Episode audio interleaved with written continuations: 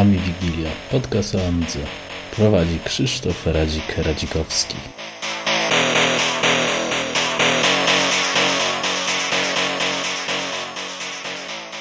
Witam wszystkich. W... A, nie, dobra.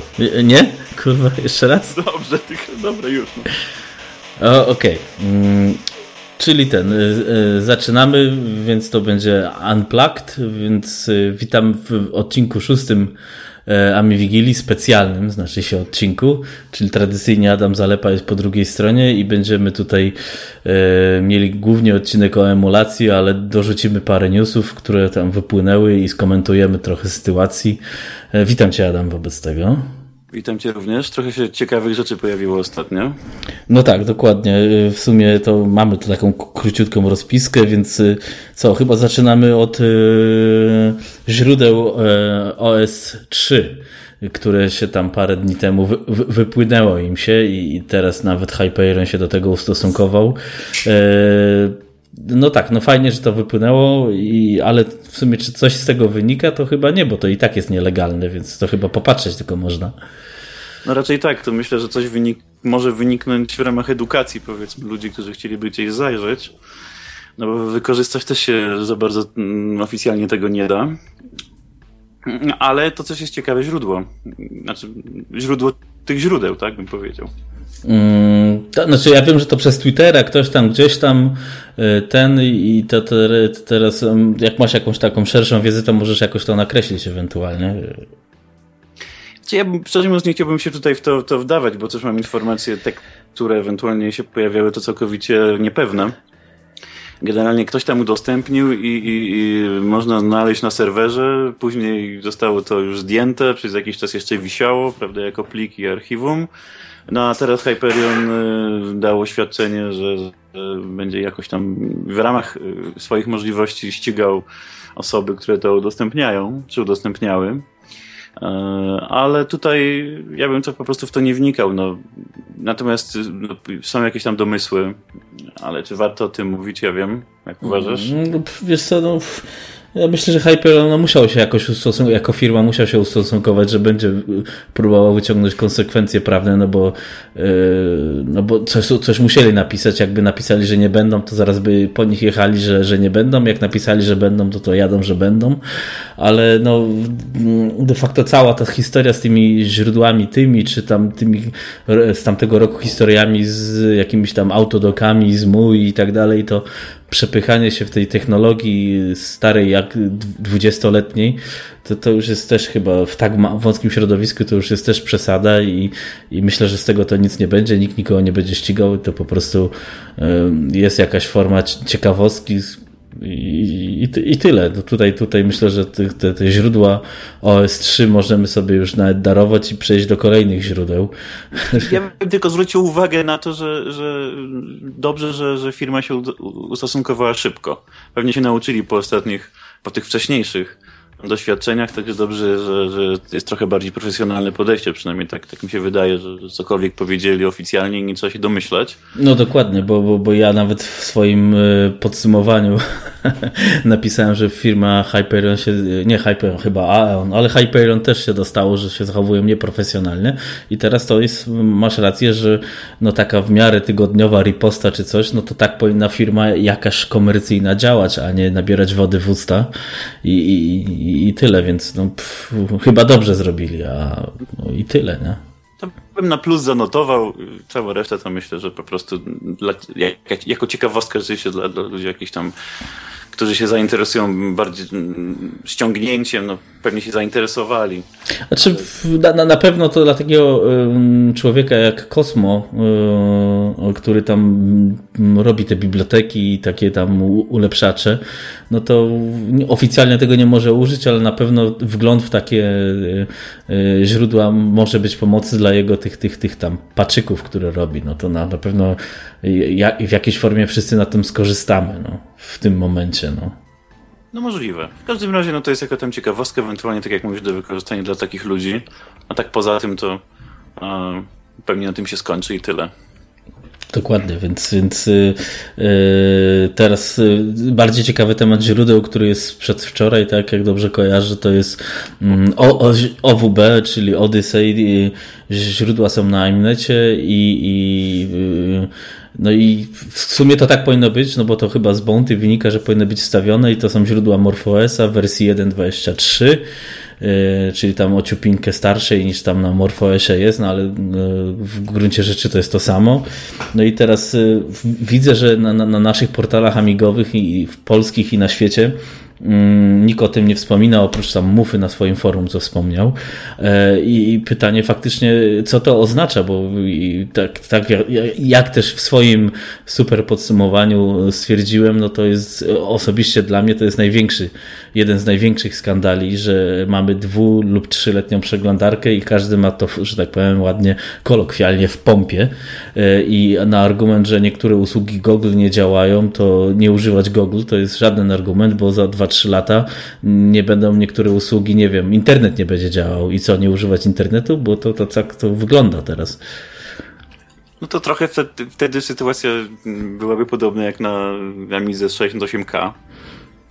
Natomiast y, no, na pewno jest ciekawe, że te źródła w ogóle są upublicznione, chociaż tak jak mówisz, powinny być, ale przez długi czas nie były. No to też pewnie nie jest bez przyczyny. Natomiast y, to, że przez długi czas nie ma przeglądarki, no to zdecydowanie, no to jest największy problem uważam w tej chwili. Generalnie rzecz biorąc, y, OWB nie działa aż tak źle, jak też niektórzy chcieliby mówić, ale mm, trzeba brać pod uwagę, że no cały czas to w internecie się wszystko zmienia i ciągle, jeżeli nie, nie ma nowej wersji przeglądarki, po prostu coraz mniej będzie na niej działać.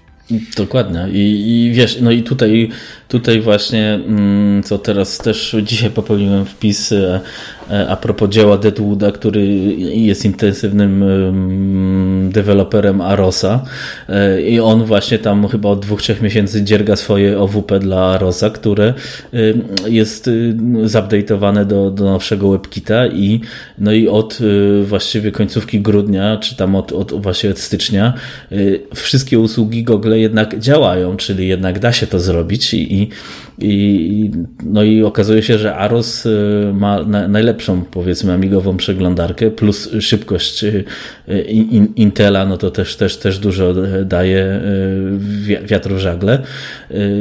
Pytanie jest, czy ludzie, bo ja to widzę tak, czy, jeśli są źródła uwolnione, jeśli jest taki y, magik jak Deadwood, czy nie można z nim się dogadać, czy jakiegoś zespołu w tym momencie złożyć i, i w końcu zrobić tą przeglądarkę na te wszystkie trzy systemy taką, jak powinna być, bo przecież y, to idzie frustracji dostać, no, żeby sobie przeglądać internet z iPada. No. To jest prawda, ale to jest, uważam, szerszy problem, ponieważ no, to nie może być tak, że jest jakaś osoba jedna, która zajmuje się najważniejszym komponentem w zasadzie w, w systemie. Wszystko jedno, który, prawda? Czy to będzie Aros, czy to będzie Morphos, czy OS4.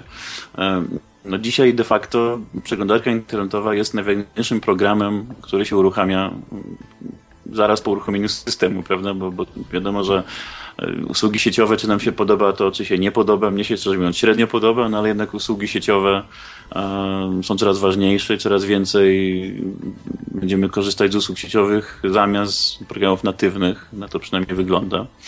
E, także to dla mnie jest wielkim problemem, że, że nie ma jednej osoby wśród tej grupy deweloperów, które, która by się zajmowała na stałe e, aktualizacją, chociażby tylko aktualizacją, już nie mówię o dodawaniu nowych funkcji.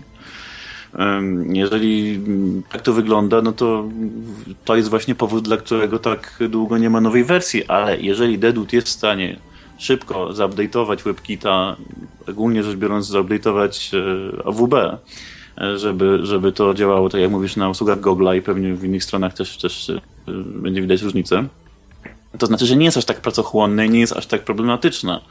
Więc y, fajnie by było, żeby chociażby jeden z deweloperów y, Morphosa zamiast robić y, jakieś rzeczy, które, które są związane na przykład z ambientem, a, nie, a niekoniecznie musimy, musimy mieć, no nie wiem, jakieś dodatkowe funkcje typu podświetlenie klawiatury w powerbookach, prawda? Chociaż to jest też fajne, nawet sam kiedyś zgłosiłem, zostało dosyć szybko to zrobione.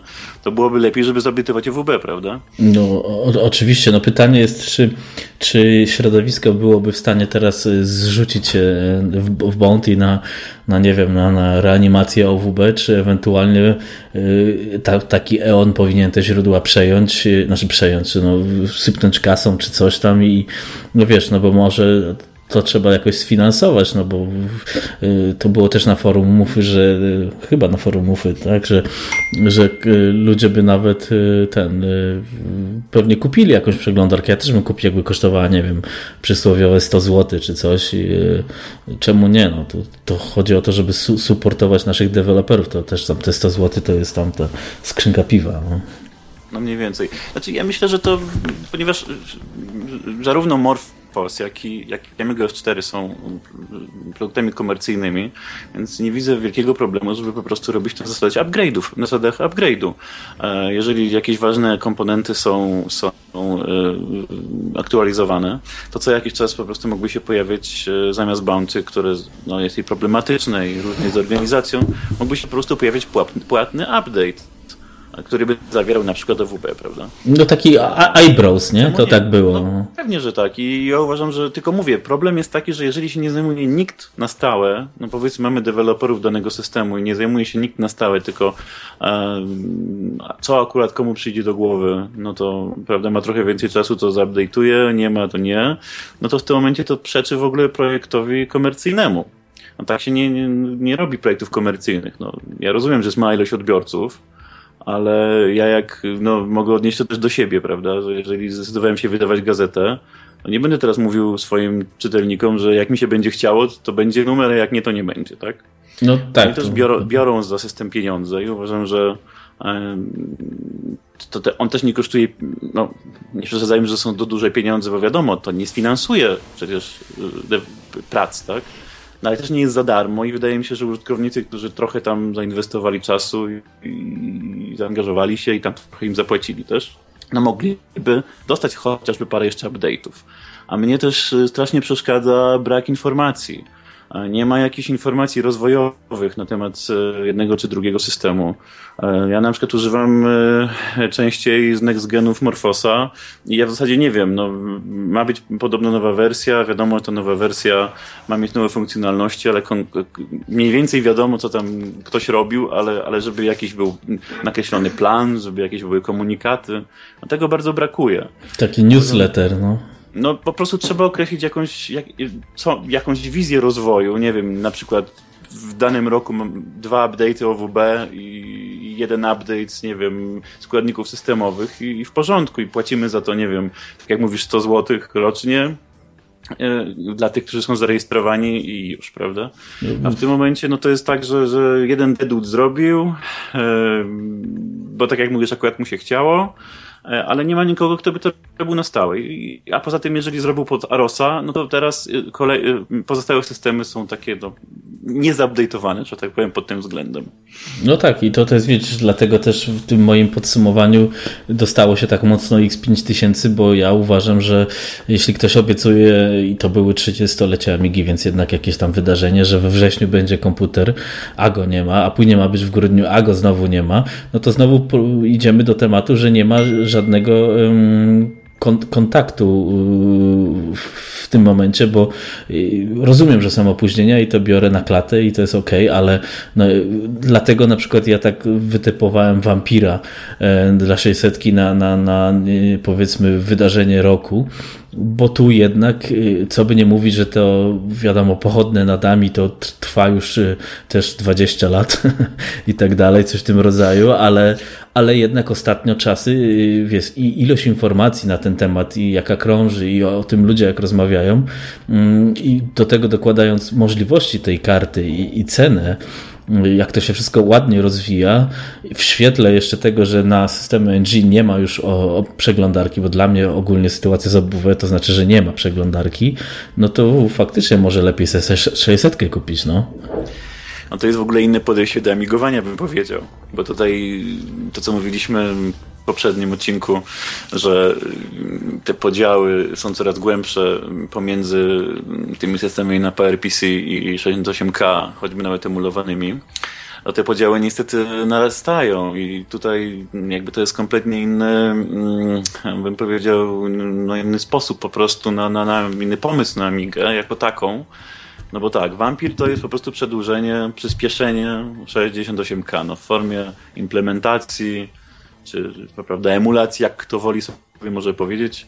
W każdym bądź razie e, w każdym bądź razie e, jest, jest to szybsze 68K, de facto nie do końca może zgodne, ale przecież te modele, które były wydawane kiedyś też między sobą do końca nie były zgodne.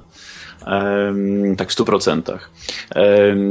Natomiast no tutaj się też nie przekroczy pewnej bariery wydajności już nie tylko samego procesora, ale też całej reszty. E, natomiast no tutaj te systemy nextgenowe to jest trochę inna sytuacja.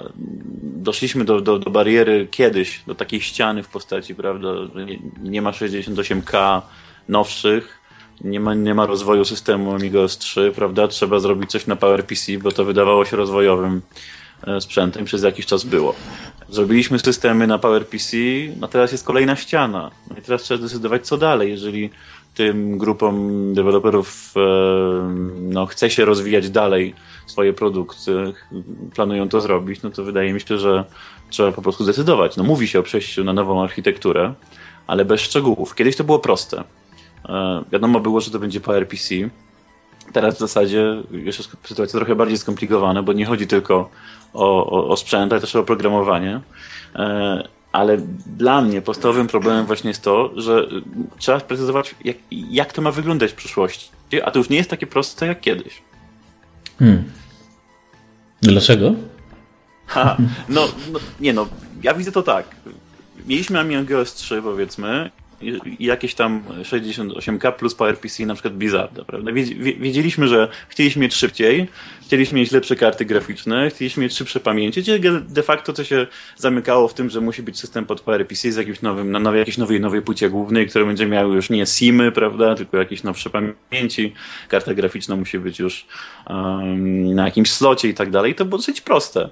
Wiadomo było, e, że to ma działać szybciej, że ma być system, e, w systemie zintegrowane mają być te wszystkie rzeczy, które wcześniej były, były łatane, i my do tego już doszliśmy, tak? Mamy to dzisiaj. Mamy systemy, gdzie właściwie to wszystko, co w starym systemie, czego, czego brakowało wtedy, dzisiaj mamy.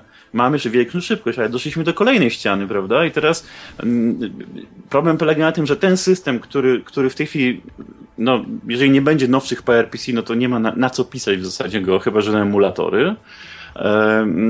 No to ten system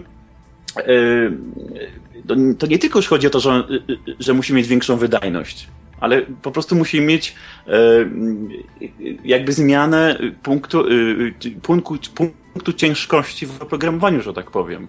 No to nie jest tak, że teraz możemy sobie rozwijać workbencha czy ambienta dalej, tak jak kiedyś, tylko teraz musimy rozwijać to oprogramowanie sieciowe, tak? OWB i inne rzeczy, które są związane, do związane z obsługą sieci. E, I to już nie jest takie, nie jest takie proste, bo, bo przecież, no co, no, to nie wystarczy przeportować WebKita nowszego. No bo na tej zasadzie, no to wszyscy powiedzą, no to ja sobie uruchomię jakikolwiek inny system operacyjny albo smartfona. No tak. Trzeba mieć jakiś pomysł na system. I jeżeli to było przedłużenie starego systemu na PRPC, to w moim przekonaniu to był jakiś pomysł, bo to było coś innego. Prawda? Tak samo jak stara Amiga była czymś innym niż stary PC czy Mac, prawda?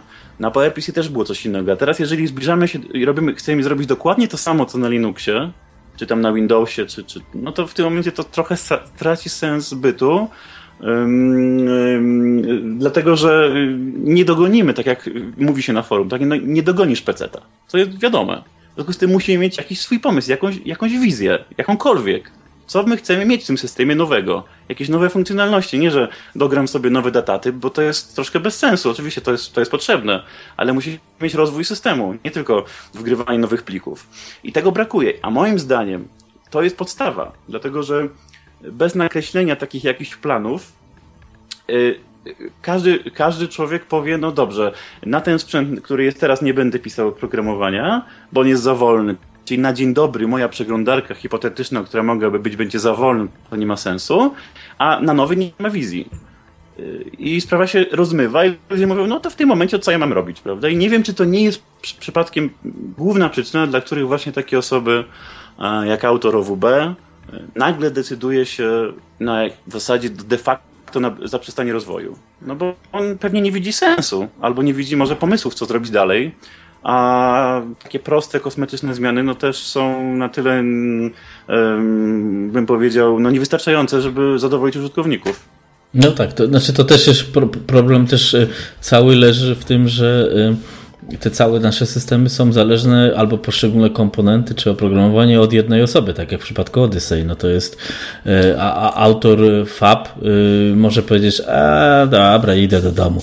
I, i, i jest kapli, kaplica centralna i to z każdym fragmentem tak w sumie jest, nie? Bo to jest jedna osoba odpowiedzialna za to i jak on stwierdzi, a to nie robię, to o mój kot mnie atakuje, y, to ten, y, to, to, tak, to tak to się może skończyć, no i, no i tak to jak na razie wygląda, ale może nie dramatyzujmy, może nie będzie tak źle, może to będzie jakiś impuls, żeby y, coś drgnęło w rajtuzie i, i coś, się, coś się wydarzyło, no w każdym razie myślę, że pobiadoliliśmy już na ten temat i możemy przejść w emulację. To, czyli to jest w sumie związane między innymi z tym wampirem, który emuluje w sumie procesor 68K i dlatego jest e, no, tyle razy szybszy od mitycznej 060. No.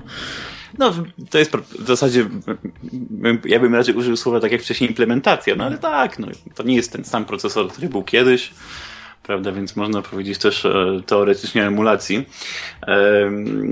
Ale w ogóle, jeżeli mówimy o emulatorach, no to e, tu jest też bardzo dużo wątpliwości czy różnych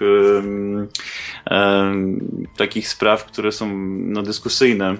Co używać, jak używać. Niektórzy mówią, że jakiś taki wampir do Amigi podłączony, no to, to już nie Amiga. Mm.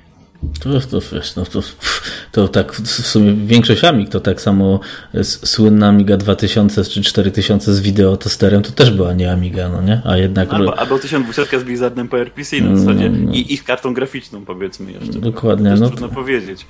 No to, to, to jest dyskusyjne, ale no właśnie o co chodzi? No generalnie rzecz biorąc, wie, ale wiele osób tak, y, tak do tego podchodzi, że y, przynajmniej z, y, wiele osób, z którymi rozmawiałem, tak mi mówiły, że jak już mam używać coś emulowanego czy implementowanego, e, nie wiem, choćby tak jak Mist jest implementacją, prawda, to ja już wolę użyć sobie emulatora na, na PC, czy, bo, bo to działa lepiej, jest lepiej, bardziej dopracowane, a w gruncie rzeczy ja nie widzę różnicy.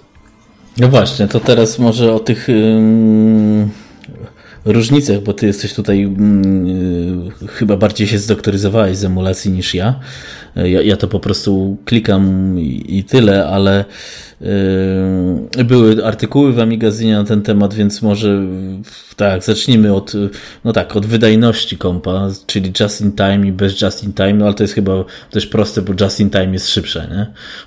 No tak, tutaj, tutaj to tak wygląda rzeczywiście. Przy czym, jeżeli chodzi o wydajność, trzeba wziąć pod uwagę jedno, że no, z JIT-em tak zwanym jest szybciej, ale to też nie jest tak, że, że ta wydajność jest taka mm, jednoznaczna. To znaczy, mm, niektórzy sobie myślą, że jak uruchomią sobie takie sysinfo, powiedzmy, na emulacji, tam pokaże im tam ileś set mipsów, to znaczy, że każdy program tak szybko będzie działał. To po prostu działa z różną szybkością w zależności od tego, co w danej chwili ma, ma emulator robić, prawda? E, ale no tak, no z JIT-em jest szybciej i to jest podstawa, więc jeżeli tylko jest możliwość e, skorzystania, e, to warto.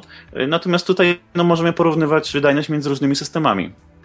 Bo to jeżeli mówię emulację, to może być Windows, może być Linux, możemy mieć no MacOSa też. Ja też, e, jeżeli zahaczamy już, no to trzeba też wspomnieć o, o NextGenach, tak? czyli o Amigos 4, o Morfosie.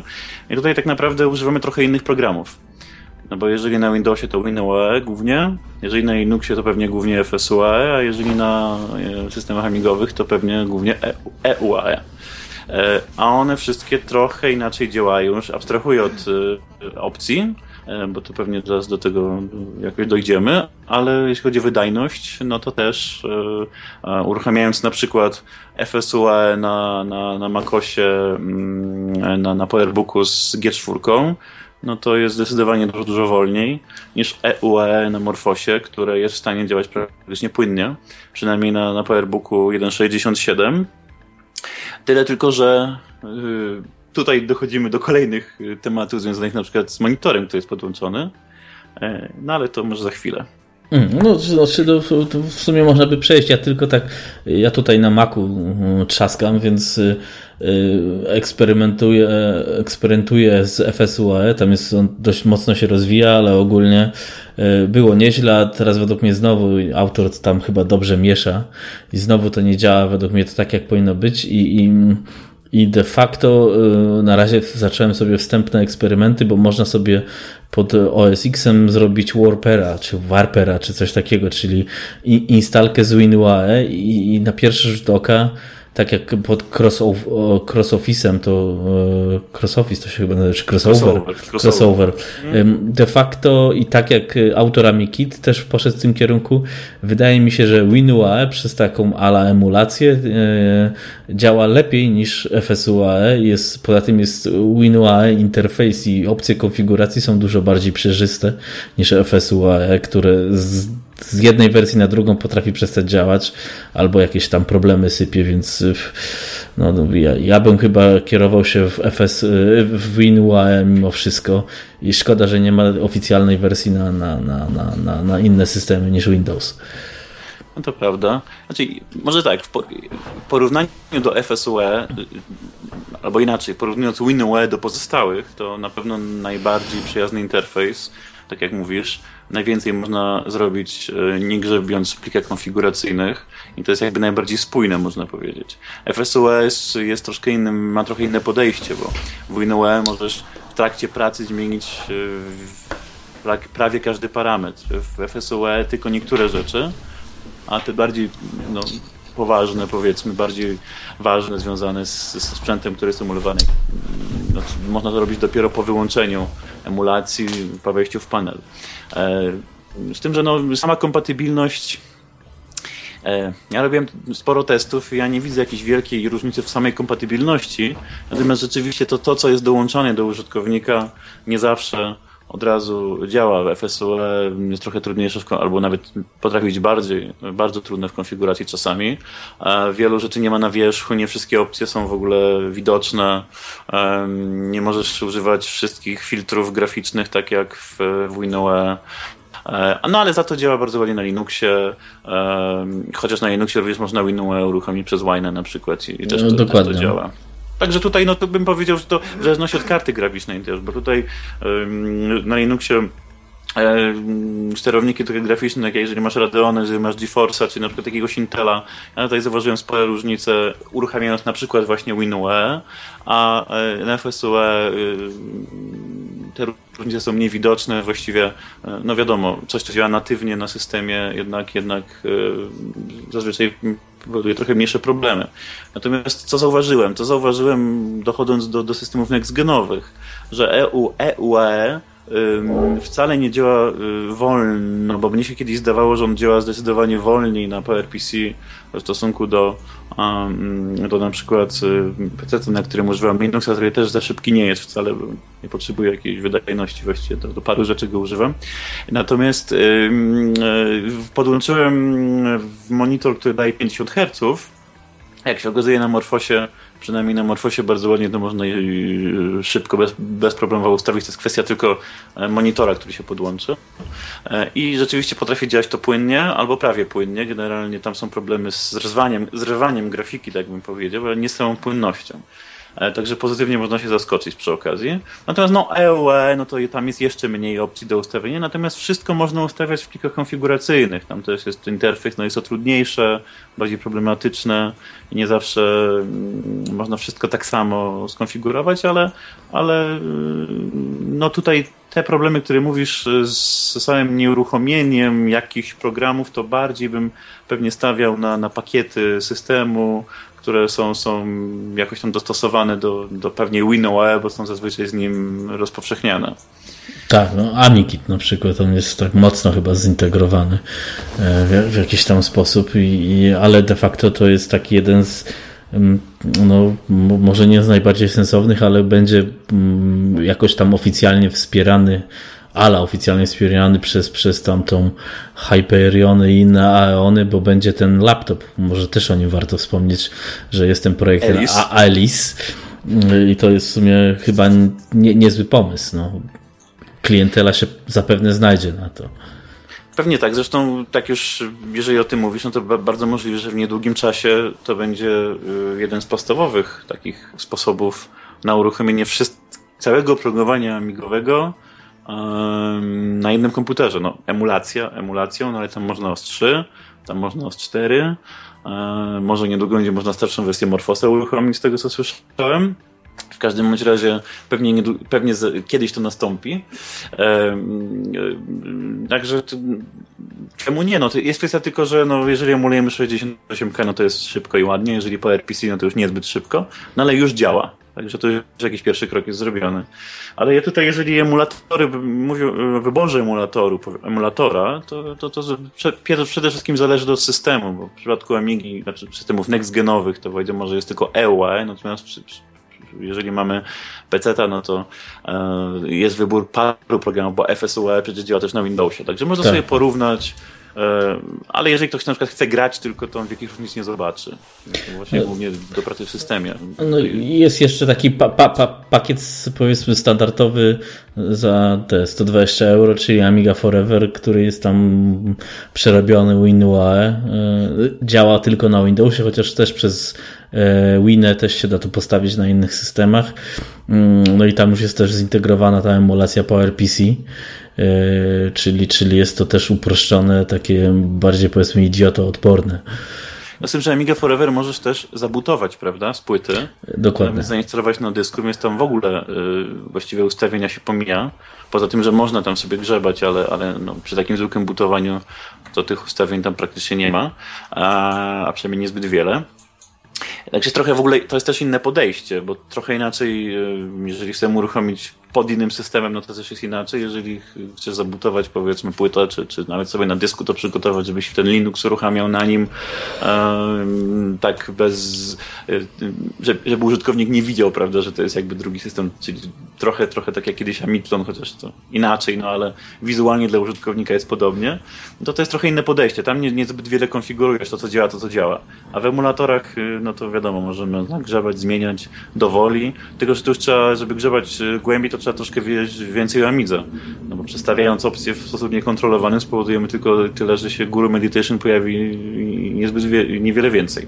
Mm. To, jest, to jest też trudniejsze. E, no właśnie, to teraz te, te może monitory, bo mm, ja tam po prostu sobie klikam i odpalam i używam, a, a tu cała e, jest ta historia za tym, czemu CRT albo LCD i, i tak dalej, to możesz tak nakreślić. Trochę mogę. No w Amigazynie robiliśmy sporo porównań. Ja sam też później wziąłem, zawziąłem się, można powiedzieć, i zacząłem bardzo wiele różnych rzeczy sprawdzać. Także pod różnymi gniazdkami, pod różnymi gniazdami, pod różnymi y, też w ogóle monitorami, telewizorami. Może powiem tak, no przede wszystkim jeżeli mówimy o grach, prawda, no bo co innego jeżeli jest system, to wiadomo, jeżeli jest system, może od tego właściwie zacznę. Jeżeli chcemy używać głównie systemu, mm, programów y, i w ogóle Amigi jako, jako takiej użytkowo, no to wiadomo, uruchomimy sobie system, emulowaną kartę graficzną i z monitorem właściwie to ma wspólnego tylko tyle, że no musimy wybrać sobie jakiś wyświetlacz, który daje mm, sensowną jakość, ale wiadomo, no, że te LCD, które są, tę jakość praktycznie zapewnia każdy, czy prawie każdy. No, y, oczywiście to porównanie do CRT to jest zupełnie oddzielna sprawa, no ale w systemie to wiadomo, że LCD się sprawdza. Natomiast jeżeli chcemy grać czy oglądać dema, no to teraz to jest trochę bardziej skomplikowane, bo mm, wiadomo, że teoretycznie najlepszą o, taką jakość daje LCD. Teoretycznie ale y, z punktu widzenia kogoś, kto kiedyś, kto kiedyś, kiedyś używał Amigi na telewizorze, jeżeli chciałby mieć to samo albo prawie to samo, co na tym telewizorze kiedyś, no to to musi być CRT po prostu. Ja robiłem testy zarówno na monitorzach CRT, VGA powiedzmy, jak i na telewizorach. E, I tutaj, no, jeżeli uruchomimy powiedzmy na takim jakimś Sony Trinitronie czy, czy, czy Philipsie, bo może inaczej Thomsonie bardziej, no ale generalnie na, na telewizorze CRT, to obraz praktycznie pomijając, że ta ramka może być troszkę większa, mniejsza, to można skalować, nie, nie, nie, nie ustawimy może do końca tak samo na przykład to trybu Overscan, e, czy, czy w ogóle innych trybów niż PAL, to jednak obraz praktycznie wygląda tak samo to już e, przy dobrym skonfigurowaniu to się trzeba bardzo, że tak powiem, natrudzić, żeby różnicę zauważyć. No chyba, że jest komputer, który nie wyrabia wydajnością, no to będziemy widzieli. E, jak podłączysz powiedzmy pod VGA monitor, ale też e, kineskopowy, no to wygląda troszkę inaczej, ale, ale jednak no, to jednak już nie jest to samo. Tu, tutaj trzeba by było włączyć tryb typu scanlines, prawda, żeby, żeby uzyskać podobny efekt. No ale cały czas ta płynność animacji e, jest do uzyskania taka sama, tylko trzeba uważać, ponieważ no, musi być 50 Hz i to też jest problem, ponieważ e, to, co generuje Amiga, to nie jest takie równe 50 Hz. E, w związku z tym trzeba troszeczkę pokombinować i tu dla mnie najlepiej sprawdza się Linux. No ale oczywiście na Windowsa też są odpowiednie programy do konfiguracji. No ale, ale wiele osób y, uważa, że podłączy pod, po prostu pod standardowy tryb obrazu, prawda, 60, nie wiem, 75 Hz i, i będzie dobrze, a to niestety wtedy ten obraz, animacja po prostu nie jest płynna, bo nie może być. Musi się co jakiś czas coś tam, coś tam musi przeskoczyć.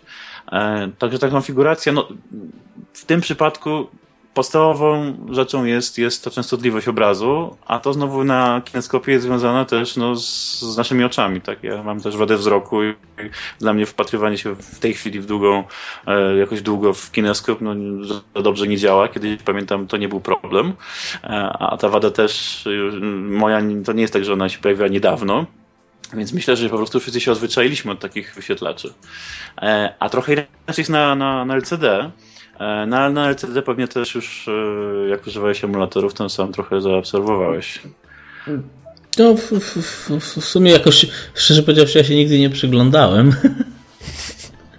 ja jestem naprawdę mm, za, za rączkę i na piwo, więc jak mi działa, to jestem zadowolony, i, ale nie gram. No to, to może też, też, też nie oglądam dem na emulacji, tylko odpalam, żeby tam pogrzebać w systemie, ewentualnie coś tam wyrenderować na Lightwave'ie, bo wiadomo, że pod emulacją jest szybciej. E, na starym Lightwave'ie oczywiście. E, więc o, to, to takie klimaty, ale to no na pewno myślę, że tu można e, optymalizować, tylko pytanie, czy to w tym momencie taka optymalizacja ma sens, czy lepiej w tym, na prawdziwym hardware'ze nie siedzieć, jeśli chcemy uzyskać to, ten prawdziwy feeling.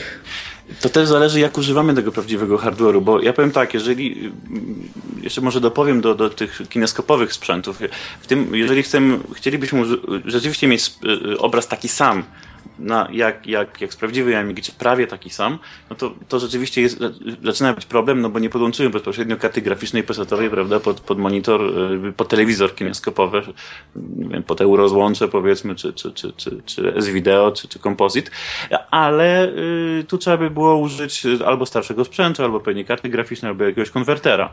I tu rzeczywiście mogą mieć problemy z jakością obrazu. Ja podłączyłem na przykład pod laptopy, które troszkę starsze, które jeszcze miały wejście S-Video, wyjście S-Video, Mm, I działało to całkiem sensownie, także e, nie było wielkich problemów z ustawieniem odpowiedniej jakości obrazu, ale cały czas trzeba pamiętać o tym, no, no że musi być, musi być w okolicach 50 Hz obraz w okolicach 50 Hz, bo inaczej nie będzie tej płynności.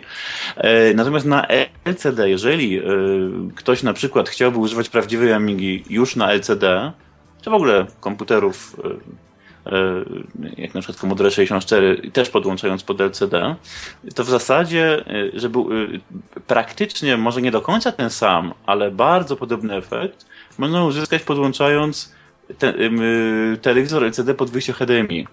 Ponieważ też są krawędzie lekko rozmyte, można pe, pe, opcjami konfiguracyjnymi karty graficznej um, ostrość ustawiać, tak żeby to było, to było jak najbardziej zbliżone.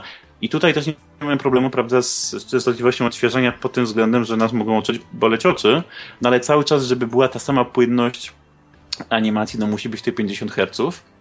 E, no i tutaj się trochę zawsze wszystko rozmyje, bo wiadomo, na LCD no to smużenie jednak jest, jest widoczne. Jak miałem podłączone u siebie naraz e, to samo e, na czterech monitorach, no to widziałem różnicę, zdecydowanie, ale, ale tak naprawdę, no jeżeli, jeżeli i tak chcemy używać na LCD, to, to różnicy wielkiej nie zobaczymy, szczególnie jak jeszcze będzie można uruchomić jakieś dodatkowe filtry na emulatorze.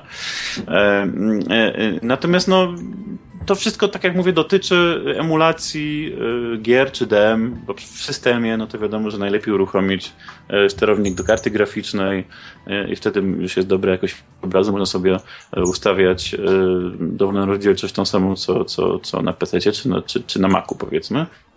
Natomiast warto tutaj dodać kwestię konfiguracji w amigowych systemach, ponieważ na przykład w Morfosie można bardzo, bardzo dokładnie ustawiać częstotliwość obrazu jak ja miałem podłączony też e, Powerbooka pod, pod wyjście HDMI, tam w zasadzie częstotliwość można ustawić do chyba czwartego, czy, o jeszcze bym nie skłamać, czy piątego miejsca po przecinku. W związku z tym można dostosować praktycznie obraz idealnie. E, może on będzie wyglądał też troszkę inaczej, ale, ale no, wszędzie jest możliwość e, ustawienia i warto możemy zwrócić uwagę na to, że tam są aż tak bardzo mm, szczegółowe te ustawienia. E, natomiast jak jest system, no to tak jak mówisz, pogrzebać w systemie, to, to tego problemu nie ma. W zasadzie dowolny monitor i też będzie dobrze. Mm, to rozumiem, że te 50-60 Hz Y, to 50 to się dotyczy palu, ale jeśli byśmy się bali, chcieli bawić w NTSC, no to 60, nie? No tak, oczywiście. No z tym, że no, w przypadku Amigi przynajmniej większość rzeczy takich standardowych to jest PAL, prawda? Także tutaj ja zawsze przyjmowałem 50 Hz, ale pewnie, no jeżeli jest, uruchomimy tryb NTSC, to 60 też będzie płynnie. E, tyle, że sporo rzeczy będzie się działać szybciej. Jak sobie na przykład Super Frogger uruchomimy e, w standardowej wersji, to tam intro, intro będzie też szybciej przewijane wtedy. E, ale no, to jest pytanie, czy ktoś w ogóle zauważa te różnice. Ja, ja no, widzę, zwracam uwagę na takie rzeczy.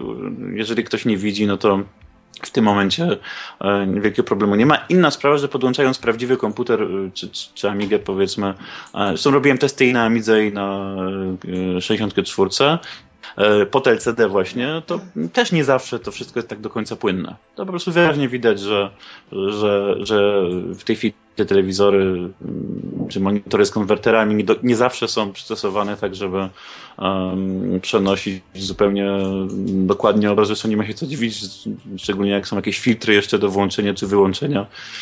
Um, ale no to tu zależy od naszych wymagań. Tak jak mówię, na pewno jakby się chciało mieć to samo, czy prawie to samo, no to kineskop, telewizor kineskopowy. Jeżeli nam nie zależy że specjalnie możemy się w LCD zamknąć, że tak powiem, czy, czy, czy używają prawdziwego sprzętu na LCD, to też będzie prawie to samo na, na, na wyświetlaczu prawie dowolnym. Natomiast y, co jeszcze powiem, jak, jeżeli ktoś chciałby się zainteresować trybem 50 Hz, to warto zwrócić uwagę na monitory HP. Nawet nowe modele e, może nie wszystkie, ale duża część e, e,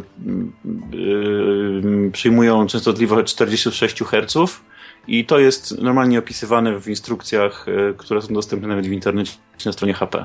Jeżeli sobie wejdziemy, to w manual po prostu PDF w wielu, wielu przypadkach jest 46 Hz, 29 kHz i sprawdziłem osobiście, no nie wiem, chyba z 5 czy 6 takich monitorów, może nawet więcej, to się sprawdza.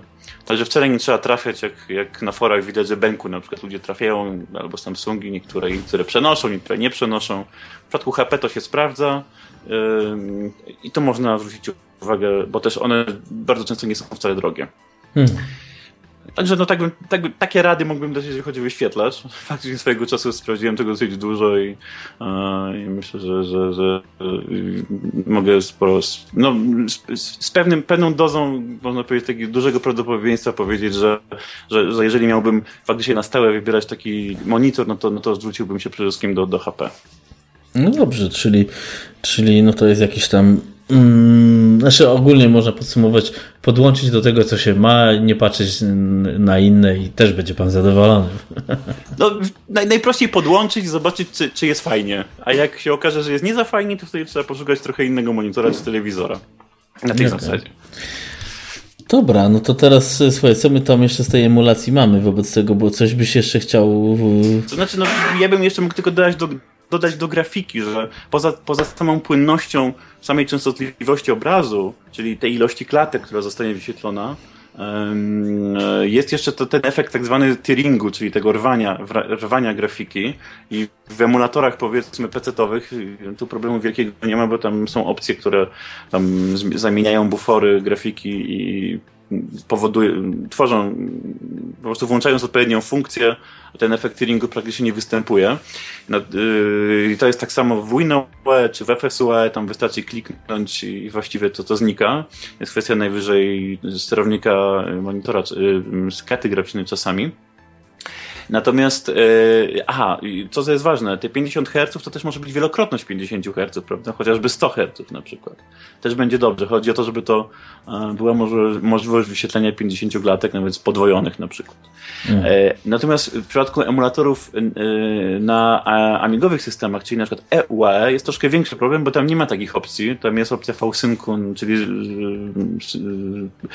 włączenia synchronizacji z odświeżaniem, ale ten efekt rwania niestety troszkę występuje. To znaczy, jeżeli ja też sporo, sporo tam sprawdzałem, jeżeli się dostosuje częstotliwość obrazu bardzo szczegółowo, to trzeba metodą prób i błędów najlepiej robić praktycznie, e, to można prawie to wyeliminować. Ale czasami to występuje. No, ale to mówię, to się trzeba też czepiać właściwie szczegółów, bo e, jak sobie włączyłem takiego scrolla mm, w jakimś intrze, no to tam powiedzmy na minutę to się dwa razy pojawiło. I się musiałem wpatrywać. Także nie do przesady. No ale jak ktoś jest takim purystą, bardzo dokładnie zwraca uwagę, no to myślę, że warto o tym wiedzieć.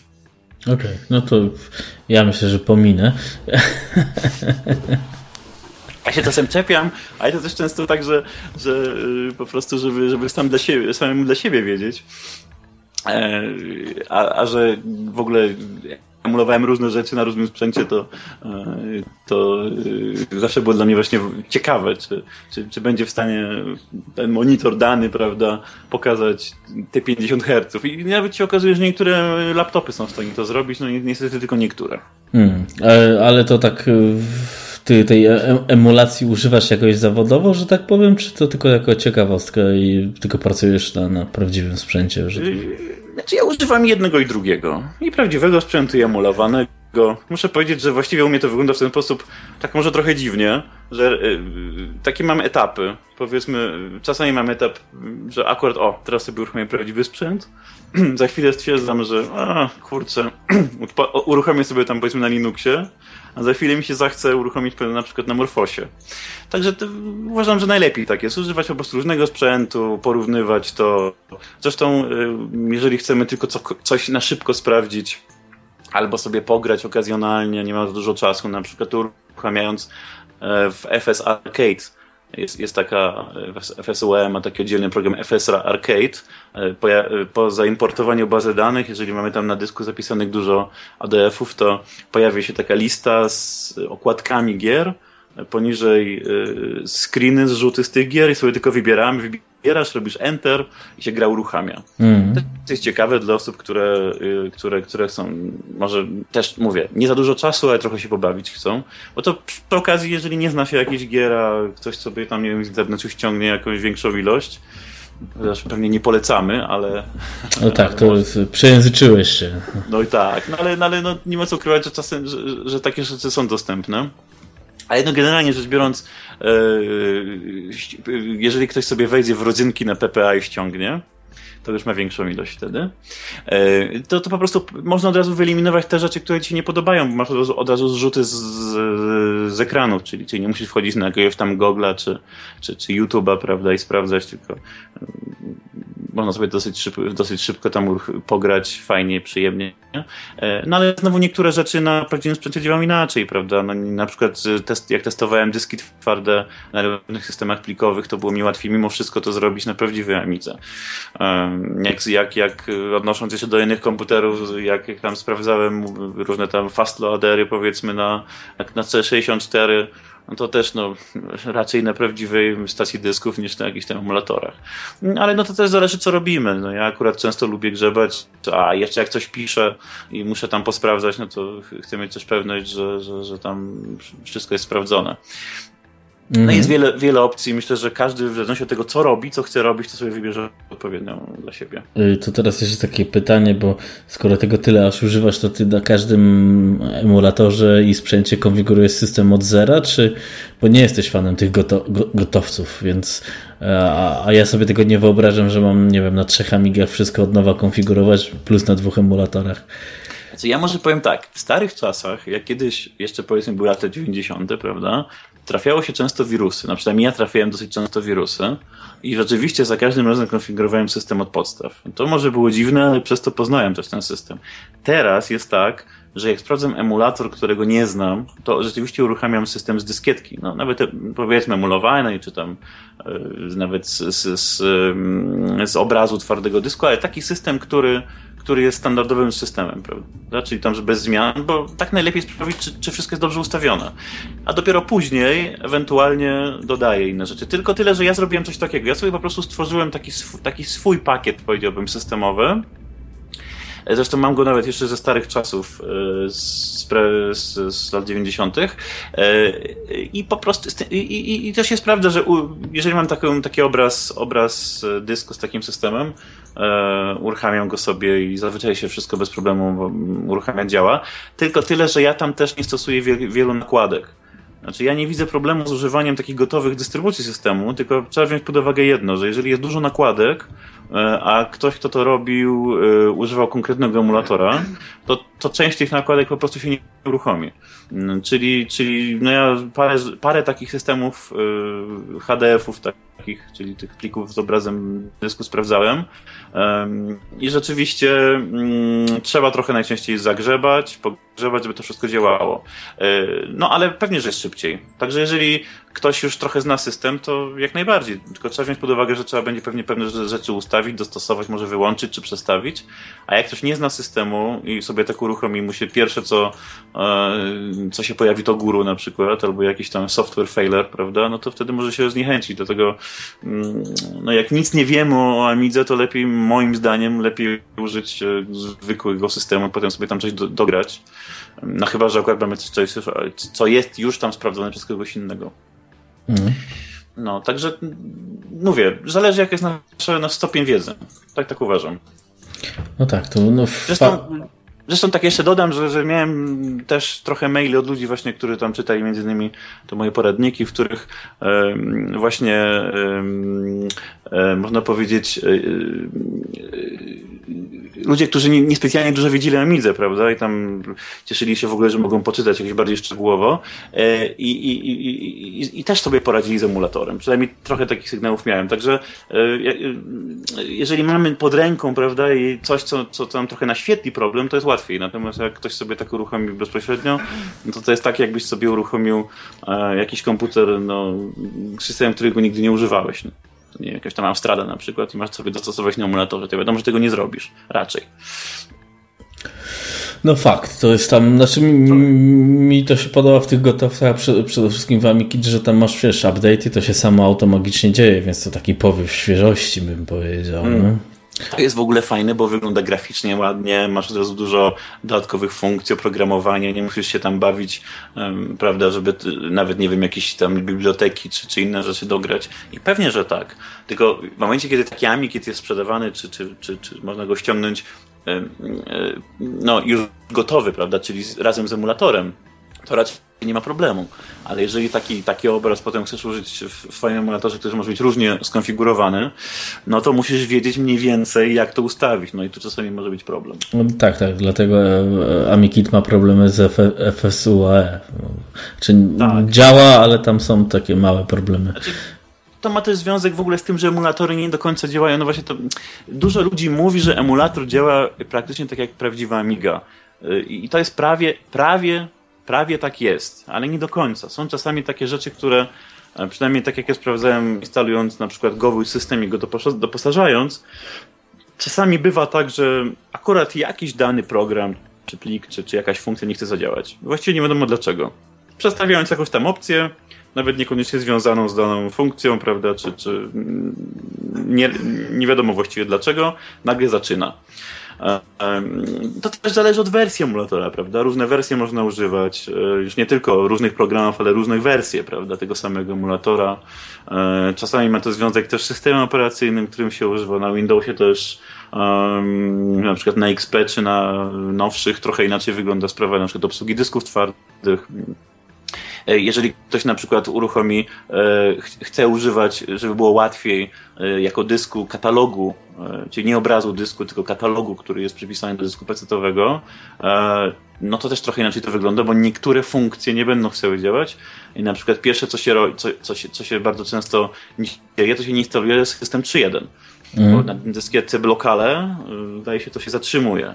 Na instalacji mój 3.8 to samo. Ale jeżeli zrobimy obraz płyty, znaczy obraz dysku, e, nie ma problemu. To jest najczęściej związane z, z, z tymi z atrybutami plików, czyli tymi tak zwanymi y, bitami protekcji. Tak, tak, tak, tak. Często trzeba to przestawić.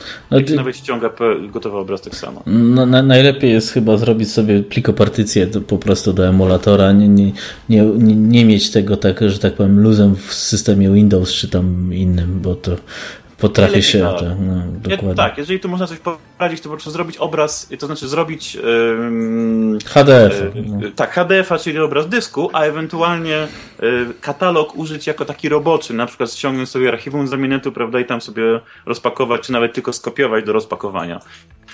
Bo to jest wygodniejsze i nigdy problemów nie będzie robiło. Natomiast samo zapisywanie plików, czy rozpakowywanie już takich, których chcemy używać w systemie, to najlepiej na HDF-a, czyli na obraz dysku, no bo wtedy y, nie będzie problemu z zostawieniem właśnie bitów protekcji, e, jakimś tam nieuruchamianiem itd. Chociaż to nie jest skomplikowane, bo jedna, jedna funkcja w, prawda, w shellu i sobie to przestawiasz, no ale trzeba wiedzieć jak to zrobić. No, dokładnie, a, to jeszcze tak e, zagaję w tym momencie, bo napisałeś już trzeci tom o Amiga OS 3.1, więc y, pod emulację byś polecał zacząć od 3.1 i, i rozbudowywać, czy zacząć na przykład od 3.9 i, i to rozbudowywać? E, szczerze powiedziawszy, od 3.9 to bym nie, nie, nie, polecał. Może też ze względu na to, że tam jest troszkę bardziej skomplikowana sprawa nawet i w samej sekwencji startowej, na przykład aktualizacja Kickstartu. To na emulatorze też nie działa tak samo jak na prawdziwej Amidze więc to, to może problematyczne. E, szczerze mówiąc, moim zdaniem, jeżeli ktoś w ogóle no, chce poznać system, to najbardziej optymalny jest 3.1 w takiej zwykłej e, wersjach z dyskietki, bo tam jest najmniej problemów. E, startup sequence jako plik jest bardzo prosty do zrozumienia. User startup, startup w oryginale tam nic nie ma. Mm, struktura w ogóle systemu, czy te wszystkie pliki systemowe, które są, tam nie ma żadnych nietypowych rzeczy. Natomiast później jak się dogrywa jakieś już bardziej skomplikowane e, na biblioteki, czy programy, czy, czy inne rzeczy, no choćby preferencje, które korzystają na przykład z nowych klas, e, czy tam z MUI, czy, czy, czy, czy z Klasakta przykładowo, czy z Tridenta na przykład niektóre, to jest to już trochę bardziej skomplikowane, bo każdy trzeba konfigurować osobno. E, a później jak poznamy 3.1, no to 3.5 czy 3.9 jest łatwo zainstalować, bo ono przecież się też opiera na 3.1. Najpierw instaluje się 3.1, dopiero na niego instaluje się reszta. Mm. Um, i, i, to jest mniej więcej to samo, jakbyśmy sobie doposażyli 3.1, e, no w inny sposób, co prawda, ale no podobna jest zasada. Także ja też dlatego zacząłem pisać od 3.1, chociaż nie ukrywam, że chętnie bym też napisał o tych e, systemach starszych, ale może to kiedyś nastąpi. No, wow. E, czyli czyli 3.1 i, i staramy się nie za dużo nakładek w, w, w stylu podejrzewam MCP czy, czy jakiś tam Birdi, bo one tam dość dobrze potrafią zamieszać, chociaż ładnie to wygląda. Tak, znaczy ja, jeżeli mówimy już w ogóle emulacji, czy nawet nie tylko emulacji, bo, bo przecież to samo można zrobić na Amidze prawdziwie, wiadomo, no, odpowiednio rozbudowanej, to ja uważam, że na przykład taki program jak Visual Prefs, czy Beardy, to, to w tej wersji Beardy 2000 chociażby, to, to, jest, to są rzeczy, które w zasadzie niewiele problemów powodują. Chociaż to może też trochę za dużo powiedziane, bo, bo jak ktoś się zacznie tam bawić w Visual Prefsie w na przykład yy, zabezpieczaniem tam, nie wiem, pis, tych tak zwanych pisaków, czyli żeby sobie kolory odpowiednio ustawić swoje, no to też może się za, zamotać. Ale generalnie to jest coś takiego, co, co nie sprawia jakichś problemów. Yy, natomiast jeżeli faktycznie zacznie się używać nakłady typu MCP, czy tam y, podobnych, y, to tam jest już tak wiele opcji różnych, które często się same, wyklu jedno wyklucza drugą, albo jedna powoduje problem, prawda, z użyciem drugiej, że mm, niezależnie od tego, że możemy mieć jeszcze inne programy doinstalowane mniejsze, tam rzeczywiście, jak ktoś tak po prostu będzie sobie klikał, nie czytając w ogóle, albo nie wiedząc, co dana funkcja powoduje, no to narobi sobie bardzo dużo szkód. Z tym, że to jakby ja wcale nie, nie widzę, żeby to była cecha emulatorów. Znaczy jak miałem jeszcze serwis Amigi w Łodzi, to przychodziło bardzo dużo ludzi właśnie podstawowy problem. Jak sobie te wszystkie nakładki ustawić? I w większości przypadków właśnie było tak, że, że ludzie mieli wielkie, nie mieli w zasadzie problemu z całym używaniem systemu, ale mieli wielkie problemy z, z rozpoznaniem. Co ja takiego tam ustawiłem, że to mi się wiesza, prawda? Albo że nie działa tak jak chcę. I najczęściej różne mm, tam te nasze mm, wtedy no, porady, to właściwie była kwestia znalezienia tych problemów bez reinstalacji systemu. Mm. I przez to też spowodowało to, że musiałem ten system poznać. E, no i to też jest bardzo zresztą ciekawe, bo, bo to wcale nie jest aż tak bardzo skomplikowane, jak człowiekowi się może na początku wydawać. Tylko trzeba znać funkcje poszczególnych plików. No i to no. też w książkach opisuję, bo mówię, nie ma tego aż tak dużo, a, a jak się to pozna, to właściwie potem no, prawie z zamkniętymi oczami można używać. No fakt, tylko że no, z drugiej strony tak wiesz, żyć przez, bez takiego MCP czy tam Magic CX też taki był, no to trochę ciężko, bo tam jest kilka parę użytecznych funkcji. Fakt, że to też można zastąpić e, poszczególnymi oddzielnymi commodity, to też chyba może to jest lepsze rozwiązanie, bo te MCP osobiście mnie też przerażał, to już jest taka kobyła, ale no parę funkcji się przydaje niekiedy pewno, to znaczy w ogóle MCP też jest w zasadzie commodity, prawda? Tak, tak. To jest, no, ale to jest już trochę inny rodzaj, więc generalnie ja uważam, że w ogóle ten system commodity jest bardzo fajny, e, tylko nie można przesadzać, bo, bo jeżeli jest tak dużo łatek systemowych, e, no to w pewnym momencie możemy się troszkę pogubić. E, tam jeszcze był, pamiętam, MultiCX chyba bardzo podobny też. No tych programów generalnie jest dużo. A jeżeli do tego na przykład ktoś nie wie, że nie można instalować tych programów naraz. No, przykładowo, zainstalujemy sobie MCP, ustawimy sobie tam zmianę wyglądu przycisków na oknach, a potem zainstalujemy sobie Visual Prev, zrobimy to samo, no i mamy gotowy problem. Mm, no tak. A ktoś, kto powiedzmy zainstaluje sobie MCP nie wiedząc, co to jest za bardzo za program, to nawet może nie wiedzieć, że te funkcje tam są uruchomione, no i od razu ma kłopot. E, natomiast na pewno są przydatne, na pewno to jest bardzo przydatne, zresztą w ogóle dla mnie powstało bardzo wiele przydatnych właśnie tylko commodity, czyli różnych łatek, no tylko, że uważam, że to trzeba zostawić na czas, kiedy już się trochę pozna system. A dzisiaj ludzie chcieliby mieć po prostu taką gotową dystrybucję, jak ty mówisz, no i w tym taki AmiKit pomaga na przykład, szczególnie na emulatorze, gdzie też raczej chce się zrobić to szybko. Bo jak ktoś ma prawdziwą Amigę, no to raczej chce grzebać też, prawda? No tak, tak. Przesuwanie ikonek oczywiście. E, no właśnie, zresztą tu też myślę, że nie ma co się ograniczać, bo na przykład na, na Amiga OS 4 wiele funkcji zostało zintegrowanych systemem prawda, związane z interfejsem graficznym. Wiele funkcji zostało rozbudowanych, przecież na przykład można sobie, prawda, ekrany e, przesuwać prawie tak jak okna, prawda, no na starszych systemach tego nie było. Także, mm, no, ktoś, kto by chciał na przykład poznać tylko Amigos 4 na emulatorze, no to znowu trochę może się pogubić, jeżeli, jeżeli też wcześniej nie używał, na przykład używał, nie wiem, 1.3 albo 2.0, nagle sobie 4.0 uruchomi, prawda? To, to jest fakt. No i tu będziemy pisali książkę. Jak najbardziej. Dokładnie, więc tutaj y, są, są plany, zobaczymy kiedy to nastąpi, ale mam nadzieję, że to ja się tutaj biorę do roboty rzekomo i, znaczy no nie rzekomo, tylko praktycznie ma być to właśnie taki przewodnik y, taki dla początkujących, czyli jak uruchomić, jak zainstalować i uruchomić nieaktualne Odyssey, nie? E... Tak, no ja ze swojej strony też powiem, że tak, jeżeli mówimy o tej twojej książce, która będzie mówiła o emulacji, prawda, czyli jak sobie tam poradzić z różnymi sprawami, ale będzie, no, też, też później pojawi się coś odnośnie Amigos 4, zresztą 3.5, 3.9 też, bo miałem takie też pytania, będziemy tam we własnym jakimś tam czasie późniejszym trochę ogłaszać. Natomiast no, od tego trzeba zacząć, tak? Jeżeli ktoś uruchomi emulator, to byłoby fajnie, żeby umiał sobie uruchomić no, chociaż te podstawowe systemy amigowe, czyli tam powiedzmy 3.1 i, i, no i teraz już na PowerPC, prawda, cokolwiek. Bo myślę, że, że to jest taka podstawa, tym bardziej, że jeżeli um, no, chciałoby się używać systemu na przykład no, w jakiejś formie awaryjnej, tak, coś się stanie, coś trzeba poprawić, coś trzeba zmienić, bez sekwencji startowej się uruchomi, no to trzeba jednak trochę postaw e, liznąć chociaż.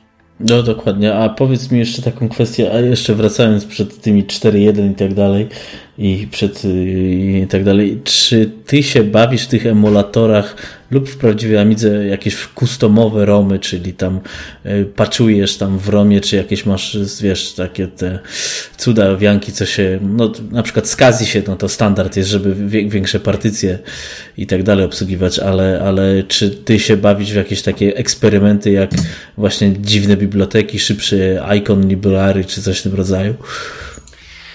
Szczerze mówiąc, bawię się o tyle, o ile potrzebuję. To znaczy, na pewno z Kazi tak, ale to na dobrą sprawę jest kwestia jednego polecenia, także nie, nie jest jakiś problem. Nie jest to też specjalnie trudne. No, ale owszem, no, trzeba tam użyć prawda, innego systemu plikowego, innego programu do partycjonowania i tak dalej, także może trochę przesadzam, no, ale generalnie, znaczy, żeby tak nie komplikować, nie, nie robię takich zestawów, jak ludzie sobie modyfikują Kickstarty. Szczerze mówiąc, to nie jestem specjalnym zwolennikiem, tym bardziej, że e, właściwie w tym momencie to, to różne dziwne rzeczy się mogą przydarzać z różnymi programami i nie przewidzimy w zasadzie co. E, ale rozumiem ludzi, którzy to robią, bo pewnie jakieś takie przyspieszacze, czy po prostu biblioteki bardziej zoptymalizowane i tak dalej powodują, że możemy e, szybciej używać, no nie wiem, grafiki, odświeżenie grafiki chociażby może być szybsza co widać na przykład na emulatorach y, Macintosha, prawda? Gdzie, gdzie tryb 8-bitowy chodzi szybciej niż, niż na Workbenchu. No tak. No, także to też swoją drogą pamiętam jeszcze w latach 90. to tak marzyło się, żeby och, żeby taki sterownik dla Workbencha był. Tak, tak, pamiętam. Jak się na Shapeshifterze uruchomiło Macosa, to działało to całkiem fajnie na takim sterowniku właśnie z tam wymagającym DSM-u i tak dalej. Natomiast w przypadku yy, tam e, e, e, bo już nie pamiętam, nie, nie będę teraz nazw przekręcał pewnie. Natomiast no, potem się, no teraz mamy takie możliwości, bardzo fajnie. E, no tylko mówię, no to jest też dla ludzi, którzy, którzy coś więcej wiedzą, ale ja nie jestem zwolennikiem względu na to, że mm, ja znowu testuję dużo programów. W ogóle lubię, lubię, lubię, nie tylko tam testuję, bo, żeby coś opisać, ale w ogóle ja lubię przeglądać te biblioteki z oprogramowaniem, albo chociażby zwykłe moduły sobie słuchać, też lubię. I, i po prostu zauważyłem taką sprawę, no, która jest nieunikniona, że jeżeli zmienimy y, jakieś biblioteki czy inne rzeczy na jakieś wersje inne, y, niekoniecznie złe, tylko po prostu inne, no to trochę tracimy na kompatybilności. Niekiedy, nie zawsze, ale czasami się tak zdarza. Y, I na przykład y, jeszcze w, dawno, dawno no, dawno, dawno, w latach 90., prawda, kiedy, kiedy jeszcze miałem ten serwis, bardzo dużo ludzi na przykład modyfikowało sobie samemu pliki systemowe bez instalatorów. Co powodowało istny miszmasz, że tam, nie wiem, część, na przykład datatypy, prawda, gdzie w jednym katalogu była jedna wersja, ta część, prawda, dru, druga część, y, no tam datatyp się składa z kilku plików, e, w innej wersji wszystko przestawało działać, nagle się okazywało, że żadna grafika się nie pojawia na, na, na przykład na, na, jako tło. Mm. Także jeżeli już coś takiego używać, ja w ogóle to, to, to yy, z instalatora, to po pierwsze, chociaż nie zawsze one są, no ale o ile są. E, natomiast tutaj dzisiaj to właściwie problemu nie ma, bo się ściąga tam z Aminetu czy z internetu gdziekolwiek, ale kiedyś pamiętam, jak jeszcze była CS na przykład, to bardzo często były rozpakowane wersje archiwum i lekko zmodyfikowane. I one potrafiły robić problemy, zawsze, dlatego ja zawsze polecam Aminet i zawsze polecałem Aminet, bo prawie zawsze jak trafiłem taką wersję na, na jakiejś płycie zmodyfikowaną, to na Aminecie była wersja dobra, przykładowo. No. Także to jest, jest, to jest nie do bo, jak, do uniknięcia, bo jeżeli się rozpakowuje archiwum na płytę, no to czasem coś się może zawsze tam pozamieniać. No tak, to jest fakt. Także, e... także nie, nie, zmieniam Kickstartów, natomiast uważam, że to, co jest na dysku, to jak najbardziej warto, bo zawsze można przywrócić starą wersję.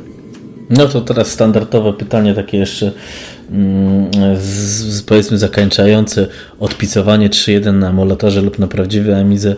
Y, zmieniać ikonki, czy zostawać przy czterokolorowych? Nie, no to już bez przesady. to znaczy, co kto woli, prawda? Ja zawsze instalowałem sobie New, New Icons. Jeszcze wcześniej Magic WB miałem takiego kolegę, który był bardzo e, zafascynowany Magic WB. On wszystko, wszystko, znaczy całą tą paletą Magic WB, czyli 8 kolorów prawdopodobnie ustawionych, on miał cały system skonfigurowany pod, e, pod Magic WB pamiętam to było jeszcze w czasach, kiedy WHD Load to właściwie niewiele, mało kto wiedział. On tam miał różne swoje instalatory, też różne pozbierane z różnych źródeł do, do, do, do gier mm, I, I, też bardzo fajnie to działało. Natomiast ja, ja i wyglądało zresztą też ładnie, jak się, jak człowiek ma czas, żeby to odpicować. Ja tam instalowałem zazwyczaj New Icons, w jakiejś tam wersji takiej właśnie, tam chyba 4.6 zamienia, to dobrze pamiętam. Ostatnia e, taka, no. No i to zamienia pliki, które są na dysku, wygląda dosyć sympatycznie. Z tym, że no oczywiście to jeżeli już mamy przynajmniej jakąś 1200 z kartą turbo, znaczy może inaczej, Amigę no troszkę szybszą, prawda? Nie tam, że, że zwykłą 500 czy 600, bo, bo będzie to po prostu wolno działać, a niektóre wersje w ogóle się nie uruchomią. No ale, ale no to już jest kwestia gustu. Natomiast jeżeli ktoś nie wie na przykład, że bez instalacji Lumicons niektóre ikony mu się w ogóle nie pojawią, tylko się kwadraciki pojawią, e, ściągane na przykład z internetu, to może się zdziwić.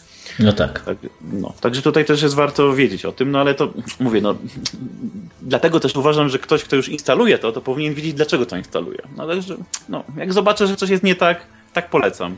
Jak zobaczę, że coś, coś mi się nie podoba, no to szukam rozwiązania, prawda, nie wiem, może ikony sobie inne zainstaluję, może coś. No ale to już są różne, y, różne gusty, na przykład na y, systemie 3.1, na dyskietkach y, różnymi programami były bardzo często czterokolorowe ikony, czy, czy w ogóle, ale też stosujące tą standardową paletę. E, czterech kolorów, tylko że zmienione. Czyli były to cztery kolory, ale w innej konfiguracji. Mm. I, też, I też potrafiły bardzo ładnie wyglądać e, całe, całe, całe blaty Workbencha. Także to właściwie no, to jest kwestia wyobraźni też trochę. Znaczy, bo to teraz się tak też zastanawiam w kwestii powiedzmy takiego retrofeelingu, no to cztery kolory, no to jest E, no już ostre retro, ale z drugiej strony Magic WB w sumie to się zastanawiam, bo to tak wszystko odżywa i czemu ten Magic WB na nowo nie ożył, bo to tak najbardziej taki klimacik retro ma, nie? Trochę tak, Magic WB akurat 8 kolorów, od razu powiem, ale, ale nic. To znaczy, może inaczej, Magic WB to jest taka prosta sprawa, bo mm, tutaj w ogóle, jeżeli mówimy o zmianie, no jak już mówimy o zmianie ikon, to y, trzeba też rozróżnić, rozróżnić samą zmianę, tak jak Magic WB, które zmienia tylko i wyłącznie po, po prostu paletę i kształt tych ikon, ale one cały czas są zapisywane no bez żadnych tam dodatkowych bibliotek, powiedzmy, systemowych. Tak, tak. No czyste rozwiązanie. No więc właśnie, jest paleta, są ikony, on, ikony są po prostu dostosowane do palety, dodatkowo jest program Magic Copper, prawda, dodatkowo jest tło, które jest dostosowane i to tyle. No bo to mm, nie powoduje jakichś problemów z wydajnością nawet na najwolniejszych Amigach. Natomiast jak zainstalujemy sobie New Icons, no to już trochę więcej, prawda? Tak jest editering i tam remapowanie tych kolorów i różne opcje, które mogą po prostu zwalniać. E, a dlaczego Magic WB jakoś nie odżył? Ja wiem. Może dlatego, że, że trochę się ludziom przejadło. Bo to jednak wszystko wygląda bardzo podobnie.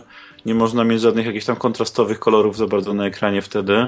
A do tego jeszcze, jeżeli uruchomisz sobie paletę szerszą niż 8, 8 kolorów, e, potrafią być problemy z doborem mm, kolorystyki. Potrafią się po prostu psuć te, e, no, potrafi się psuć ta standardowa paleta. E, no to zresztą jest cechą taką e, e, tego standardowego pulpitu 3.0 czy 3.1 bo w momencie, kiedy masz, nie wiem, 64 kolory na przykład na ekranie chociażby i sobie ustawisz, nie wiem, Visual Prefs po to, żeby mieć ładniejsze przyciski wyróżnione w jakimś tam sposób, to też te kolory potrafią się przestawiać. No tam oczywiście są trzeba zblokować. No tak, czy full palette, czy, czy, czy, czy, czy, czy samym Visual Prefs, ale to powoduje problemy, prawda? Bo to też nie zawsze tak do końca precyzyjnie działa. Ja pamiętam, że yy, kiedy, kiedyś, jak, jak właśnie instalowałem sobie często jeszcze system, to bywało tak, że niby było ustawione, a potem się coś przestawiało. No i to też jak ktoś nie wie, jak to poustawiać, nie wie od czego to zależy, prawda, to, to może się denerwować i powiedzieć, kurczę, to po co ja to w ogóle instalowałem, to bez sensu.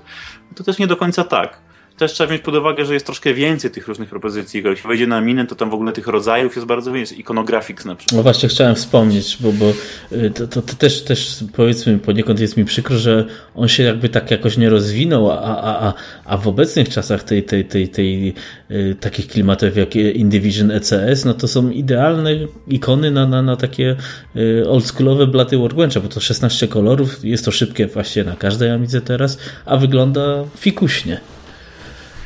No tak, w ogóle takich ikon było więcej. Na przykład jak się pojawił e, ten, no, zapowiedź tego systemu POS kiedyś, e, firmy Prodat. To tak, tak. Kojarzę. Pewnie niektórzy pamiętają też. To tam były takie dosyć też fikuśne ikony rysowane I potem te ikony były, były też e, pojawiły się osobno e, i można było sobie wgrywać. Pamiętam, że coś miałem na, na pulpicie, tam to, no, na blacie, tak? O, że na blacie, żeby było po amikowemu. e, też niektórzy, niektórzy tak wolą. To pamiętam, generalnie to też fajnie wygląda. Ale no, to jest jakby kwestia drugorzędna, prawda? Bo, bo jeżeli, no tak wracając do emulatorów, jeżeli uruchomimy sobie coś na emulatorze, i troszkę poznamy ten system, no to potem samo do, zmiana wizualna, no to jest tylko jakby, no, co będziemy chcieli zmienić, trzeba po prostu sobie wymyślić, tak? Nie wiem. Są takie rzeczy, które można bardzo łatwo zmienić. Um, a są takie, które, no nie wiem, tak jak czcionki, prawda, jakieś nawet trutypy, prawda, doinstalować, to też nie jest duży problem. Um, jakieś tam tła nowe, no to datatypy trzeba bardzo często zainstalować i wasze grafiki można. A żeby zmienić sobie na przykład wygląd okien, tak żeby wyglądały tak jak w Amikicie przykładowo, no już jest trochę większy problem. No tak, to się zgadza. A powiedz mi, bar bardziej użytecznym może takim pytaniem jest y, na, na systemie 3.1, bo w systemie 3.9 to już jest standardowo, e, defaultowe ikonki, czyli dev icons. E, na 3.1 tego nie ma. Czy ty doinstalowujesz to, czy, czy po prostu, o, że tak powiem, olewasz temat? Doinstalowuję, tak. To można doinstalować bez problemu.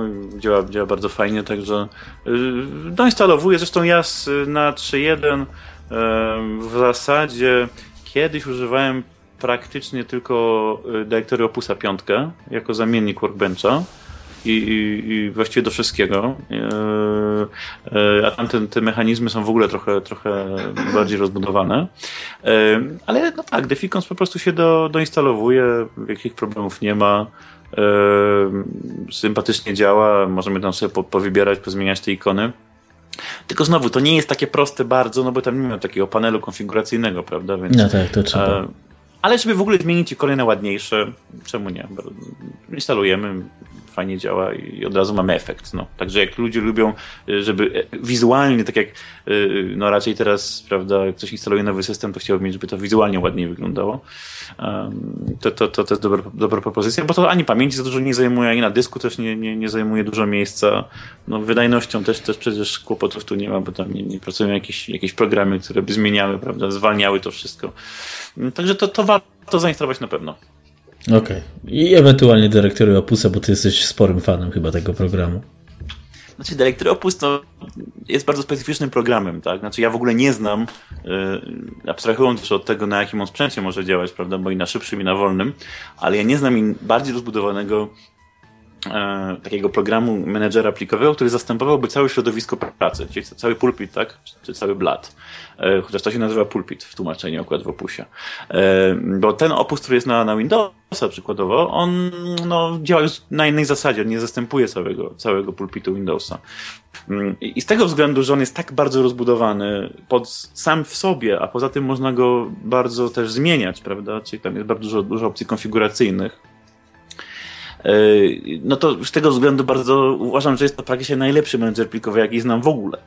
E, natomiast no, on jest trudny w konfiguracji e, i, i to trzeba przyznać, że, że no, trzeba dużo samozaparcia, żeby sobie tam wszystko poustawiać. Ale jak się już ustawi, jak się masz gotową konfigurację ustawioną, przecież to się raz robi w zasadzie, prawda? To, mm, to naprawdę jest wygodnie, szybko y, i, i, i są takie no, funkcje, które, które no, w innych programach są bardzo rzadko dostępne. Okej. Okay. Że polecam na pewno. No zawsze mo można się sposiłkować twoją książką przy konfiguracji. A, to prawda, zresztą Opus teraz standardowo jest na ROSie przecież uruchamiany. No, Amikicie i tak dalej, tylko to są już, to już są te no, nowsze wersje. Nie wiem, czy one są tak stabilne jak ta m, o, ostatnia, powiedzmy, jeszcze z, z GP Software, tak? To było 5.8 ono, co nie wiem, Magellan 2, tak? To, to... No tak, 5.82, jak mnie pamięć. Dokładnie, dokładnie. były jeszcze update'y później. E, znaczy, jeszcze tak wracam, jeżeli mówimy o emulatorach, mm, oddzielną kwestią jest troszeczkę uruchomienie maszyny wirtualnej, bo jeżeli ktoś by chciał sobie zobaczyć na przykład amigowy system, tak jak Aros, może uruchomić na maszynie wirtualnej i też sobie tego opusa uruchomi parę innych rzeczy. I też to całkiem fajnie działa. No tylko to już jest trochę jeszcze na bajka, prawda? Ale no tak. mimo wszystko, no, ale mimo wszystko, no, to też jest taka opcja, którą czasami warto wziąć pod uwagę. Okej, okay, no to słuchaj, no to chyba tam z grubsza te emulatory przejechaliśmy, nawet jeszcze zahaczyliśmy o, o, o konfigurację ikon w systemie.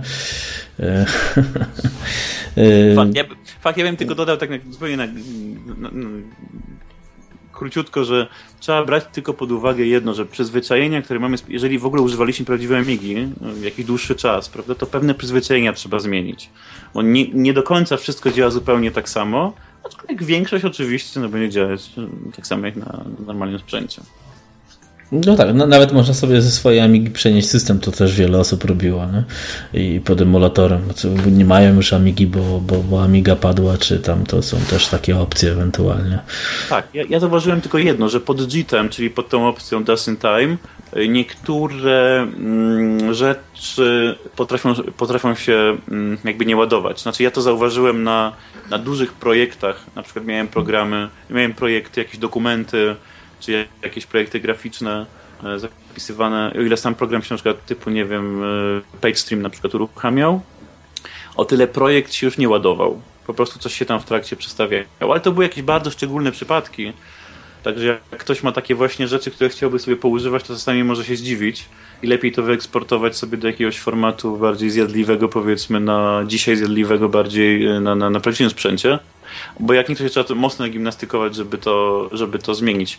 Ale za to, jak uruchomimy ten JIT rzeczywiście i to wszystko chodzi ładnie, no to chodzi bardzo szybko i w tym momencie mm, problem jakby, no, za, już nie mówimy, o, znaczy, niezależnie od tego, że, że problem przestaje istnieć czasowy, prawda, bo czasami jest tak, że, że po to robimy ten emulator, żeby to szybciej zrobić, no to jeszcze można się tam ucieszyć, że, że, że można sobie wyeksportować to bezpośrednio, jakiś tam rzut ekranu zrobić, czy coś, czego się przecież no, no, normalnie, nie wszystko się, prawda, tak łatwo zrobi.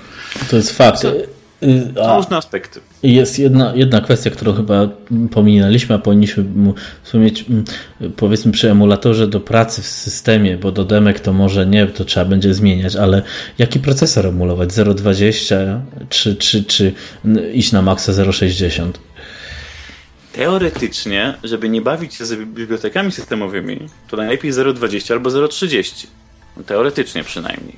Natomiast jakby ktoś chciał rzeczywiście przenieść swój system, no to wtedy najlepiej taki, który, który mieliśmy w tym, tym komputerze, bo jak będą jakieś biblioteki dla, dla, dla 40 przykładowo, set patche, prawda, inne rzeczy, czy w ogóle pliki pozmieniane, to wtedy, y, to wtedy najlepiej użyć no, po prostu ten, tego emulowanego procesora, który był w Amidze. Natomiast jeżeli się ustawia mm, od, od zera, to tak mi się wydaje, że chyba naj, najbardziej y, taki, no, najmniej problematyczny dla, dla człowieka, który, który, który niewiele może wie o Amidze, to jest 0.20, 0.30.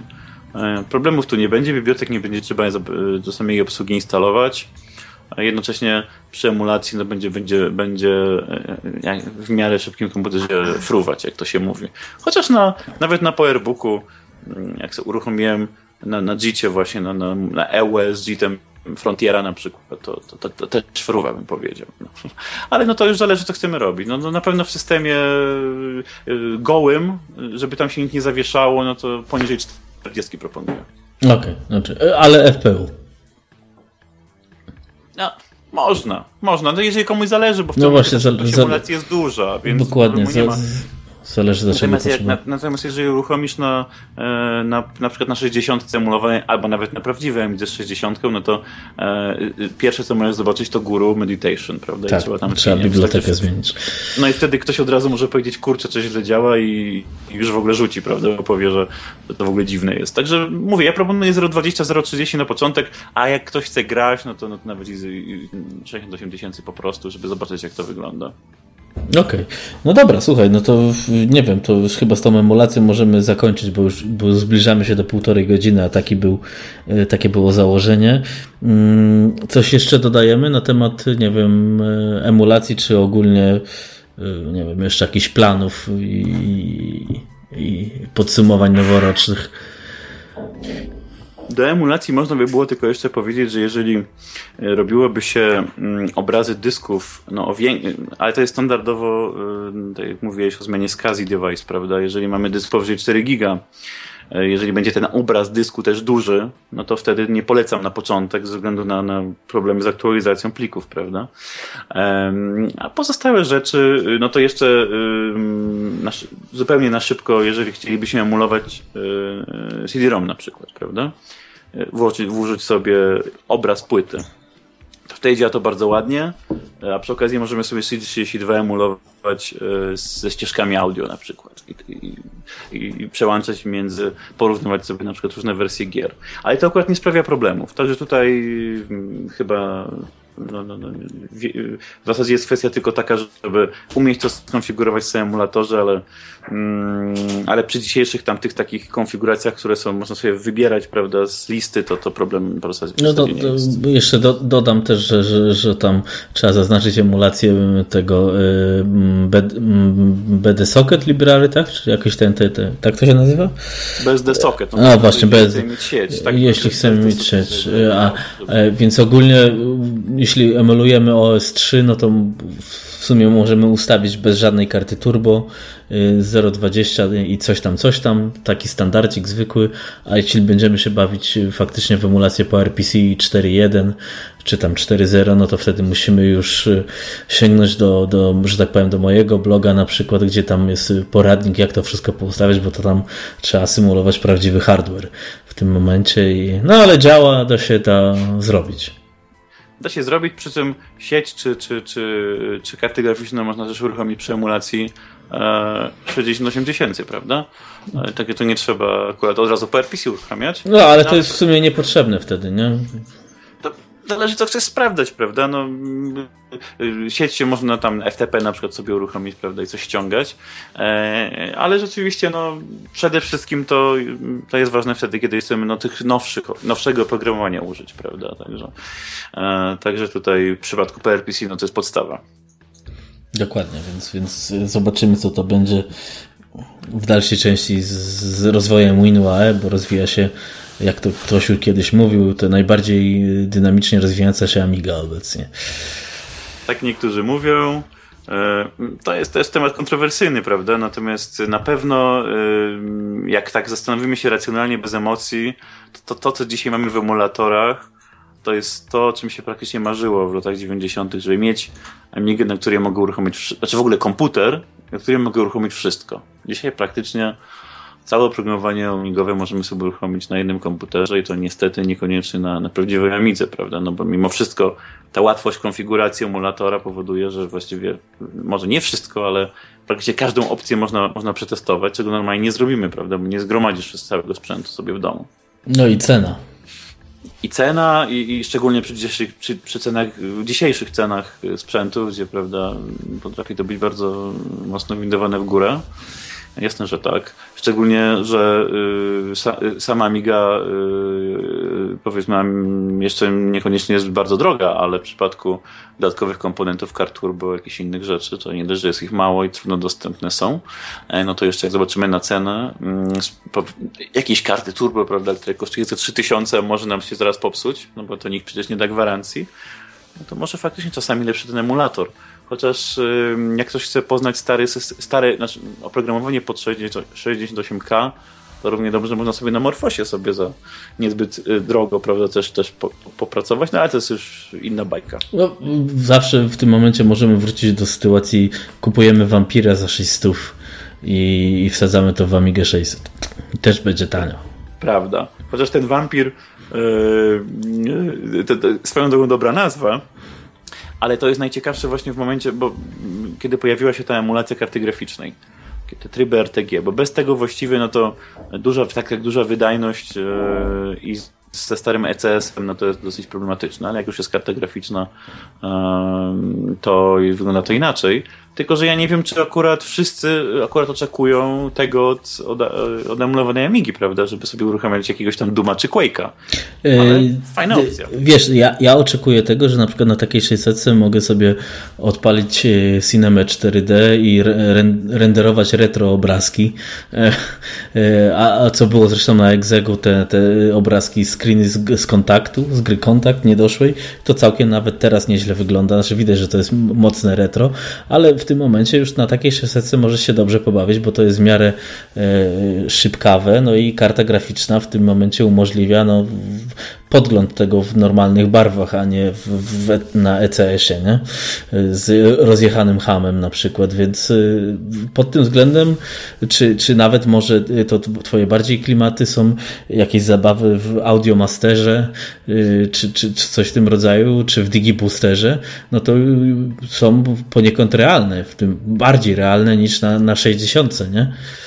Prawda, zresztą yy, ja bym to odniósł troszkę inaczej, bo znowu mój ulubiony program muzyczny, czyli Symfonii, który zresztą jest dosyć mało znanym programem, ale będę o nim pewnie mówił, w ogóle będę będzie okazja, żeby go zaprezentować w tym roku jeszcze, to nie będę tam szczegółów może e, mówił, ale, ale na pewno będziemy, będziemy pisać i mówić o nich, o, między innymi o nim więcej. On jest pisany mm, w assemblerze, na emulatorach rzeczywiście potrafi bardzo mocno się wysypywać. E, natomiast e, mam taką nadzieję, że, te, że ten Vampir, e, ten implementowany procesor będzie na tyle dopracowany, że, że rzeczywiście na tego typu programy też będą działać.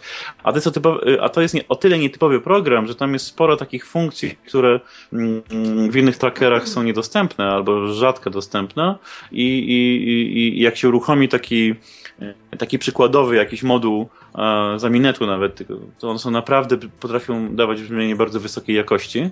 Mm, e, a tam jest wymagana bardzo duża moc obliczeniowa, bo na przykład na, na, na, na 30-50 no to to ledwo działa przykładowo. Jak chce się zrobić y, troszkę więcej kanałów. Y, ale pewnie, pewnie, szczególnie jak są, y, jest oprogramowanie do, do miksowania dźwięku, prawda, to, to, to się wszystko przyda. Także to ja jest też nie, nie, chcę, nie chcę powiedzieć jakby, że nie ma programów do obsługi, natomiast nie każdy e, nie każdy też no, takiego wampira zaakceptuje. No, też czasami są głosy, że, że, że to niekoniecznie to, co by się chciało, ale ja uważam, że to jest fajna opcja, i, a, a szczególnie jak jeszcze w międzyczasie to, ta, ta moc obliczeniowa mogłaby rosnąć, bo, bo przecież te układy FPGA też się rozwijają. No tak, no, dokładnie. Więc... I, I, to też jest jakaś tam forma w cudzysłowie emulacji, prawda? Także kolejny jakby sposób, jakby można było amigować, e, w, e, mieć szybciej coś, niezbyt drogo, jednocześnie um, jednocześnie uruchamiać stare programy. No ale cenowo to i tak emulatora nigdy nie przebije. No nie, ale y, tak się właśnie też zastanawiam już y, kończąc, czy po tym właśnie zwrocie, znaczy może nie zwrocie, po tym powiedzmy inwestycji Aeonów w, te, w tego laptopa emulowanego w, te, mm, w oprogramowanie, które ma wyjść na 6.8K plus takie newsy, czy to nie oznacza, że w 2016 jednak to będzie e, rok stary Amik, że tak powiem, powrotu na, na jakiś rynek i może szansa na jakieś nowe oprogramowanie?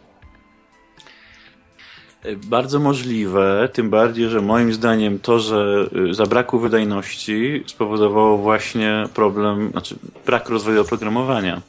E, ale mnie się osobiście wydaje, y, że e, w ogóle mm, mm, sam rozwój e, tych układów FPGA powoduje, bo to też nie tylko, zwróćmy uwagę na to, że też nie tylko, to też powoduje nie tylko to, że mamy szybszy procesor, tylko możemy nowe funkcje implementować. Prawda? Tutaj taka karta graficzna, znaczy karta graficzna, tryby RTG z wyjściem HDMI jest jakby taki pierwszy krok.